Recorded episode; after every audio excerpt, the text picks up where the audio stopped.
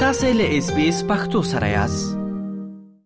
په پا پاکستان کې افغان سفارت اس بي اس رادیو ته ویلي دي چې اوس په نږدو کې په پاکستان کې د اوسېدو د قانوني اسنادو د نه درلودو لامل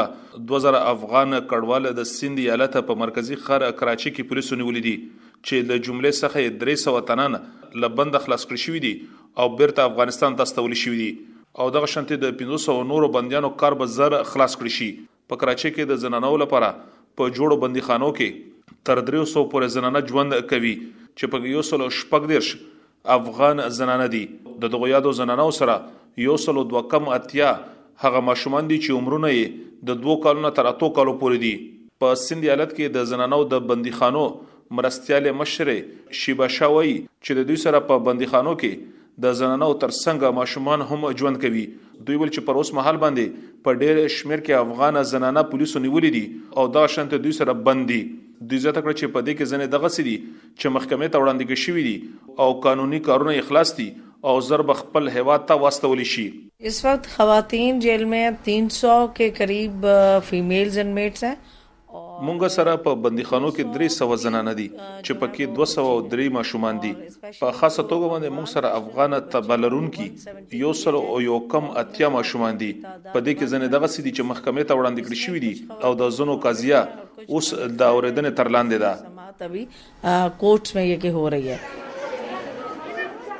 دا په کراچي کې د زنانو د بندیخانو مرستياله مشره شیبا شاه په بندیخانو کې بند زنانه وایي چې دوی د ډیر لوی مشکل سره مخامخ دي او بل لوري ته پولیسو دوی په داسې حال کې نیولې دي چې دوی د خپل ضرورتونو لپاره په لارو باندې سفر کولو دغه شان ماشومان یې هم د لوی مشکل سره مخامخ دي چې ورسره په دغه بندیخانو کې ژوند کوي د میندو سره راوستل شي او زنه ماشومان وویل چې د دوی میندې او پلاران په پاکستان کې زیږیدلې دي او دوی افغانستان چرته هم نه دی لیدلې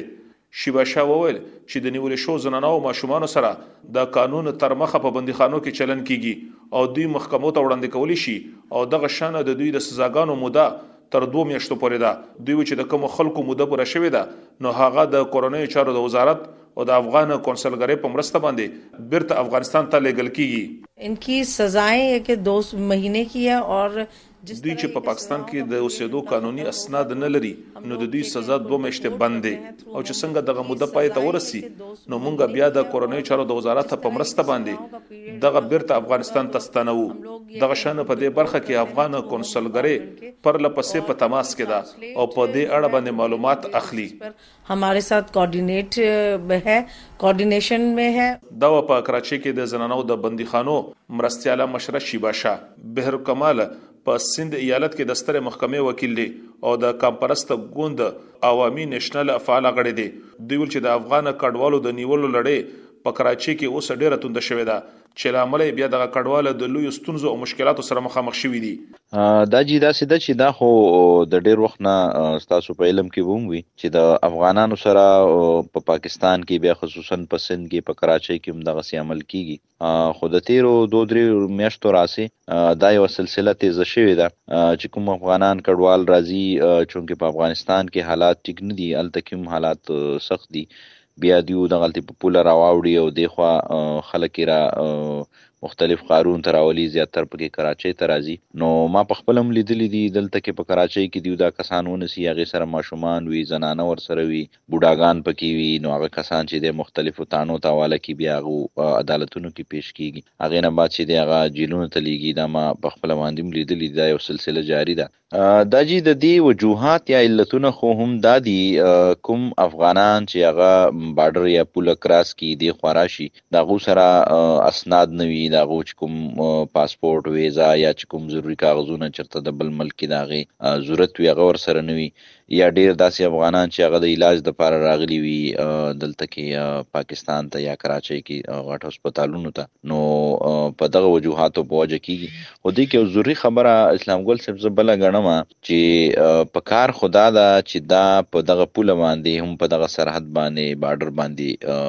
د دې روکتام کې دی نو دا تقریبا د کراچۍ پورې چې رارسي څه یو نیم سل چیک پوسټونه جوړیږي په لارې هم دغه شانتي راپریږدي ځای په ځای ترې پیسې واخلي دا لوټ کړی شي بیا کراچۍ ته راورسي او دلته په نږدې ځایونو کې دلته یې دی ونسي نو دا زما په خیال یو ظلم دی زیاتی دی او دا په کار نه ده چې داسې یي ددې لپاره یو لایمل په کار دی. بحرالکمل د یو سوال په ځواب کې زیاته کړه چې پر اوس مهال باندې په پاکستان کې یو وار بیا د امنیت ستونزه را پیدا شوې ده او دولتي ادارې دغه دریز لري چې د امنیت لپاره په ناقانونه توګه باندې په هیواد کې میشت